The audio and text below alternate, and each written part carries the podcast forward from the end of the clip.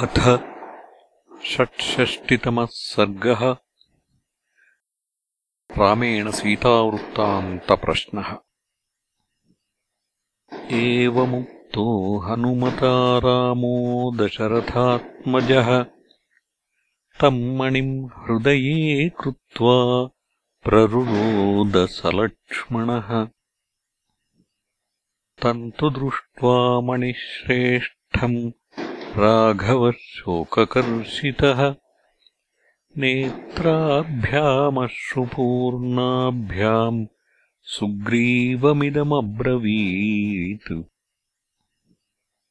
यथैव धेनुस्रवति स्नेहाद्वत्सस्य वत्सला।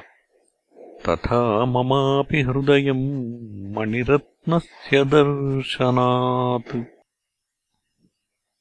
मणिरत्नमिदम् दत्तम् वैदेह्याः श्वशुरेण मे। वधूकाले यथा बद्धम् अधिकम् मूर्ध्नि शोभते। अयम् हि जलसम्भूतो मणिः सज्जनपूजितः यज्ञे परमतुष्टेन दत्तः क्रेण धीमता इमम् दृष्ट्वा मणिश्रेष्ठम् यथा तातस्य दर्शनम् अद्यास्म्यवगतः सौम्य वैदेहस्य तथा विभोः अयम् हि शोभते तस्याः प्रियाया मूर्ध्नि मे मणिः अस्याद्यदर्शनेनाहम् प्राप्तान्तामिव चिन्तये। किमाहसीता वैदेही? ब्रूहि सौम्य पुनः पुनः पिपासुमिव येन सिञ्चन्ती वाक्यवारिणा इतस्तु किम् दुःखतरम् यदिमम् वारिसम्भवम् मणिम् पश्यामि सौमित्रे वैदेहीमागताम् विना। चिरञ्जीवति वैदेही यदि मासम् धरिष्यति क्षणम् सौम्य न जीव्येयम् विना तामसिते क्षणाम्।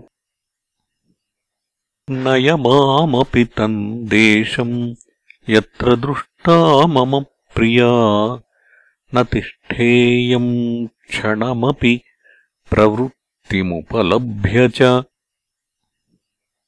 कथम् सा मम शुश्रोणी भीरुभीरुः सती सदा भयावहानाम् घोराणाम् मध्ये तिष्ठति रक्षसाम् शारदस्तिमिरोन्मुक्तो नूनम् चन्द्रैवाम्बुदैः आवृतम् वदनम् तस्या न विराजति राक्षसैः। किमाहसीता हनुमन् तत्त्वतः कथयाद्य मे एतेन खलु जीविष्ये भेषजेनातुरो यथा। मधुरा मधुरालापा किमाह मम भामिनी मद्विहीनावरारोहा हनुमन् कथयस्व मे दुःखाद्दुःखतरम् प्राप्य कथम् जीवति जानकी? इत्यार्षे श्रीमद् रामायणे वाल्मीकीये आदिकाव्ये सुन्दरकाण्डे षट्षष्टितमः सर्गः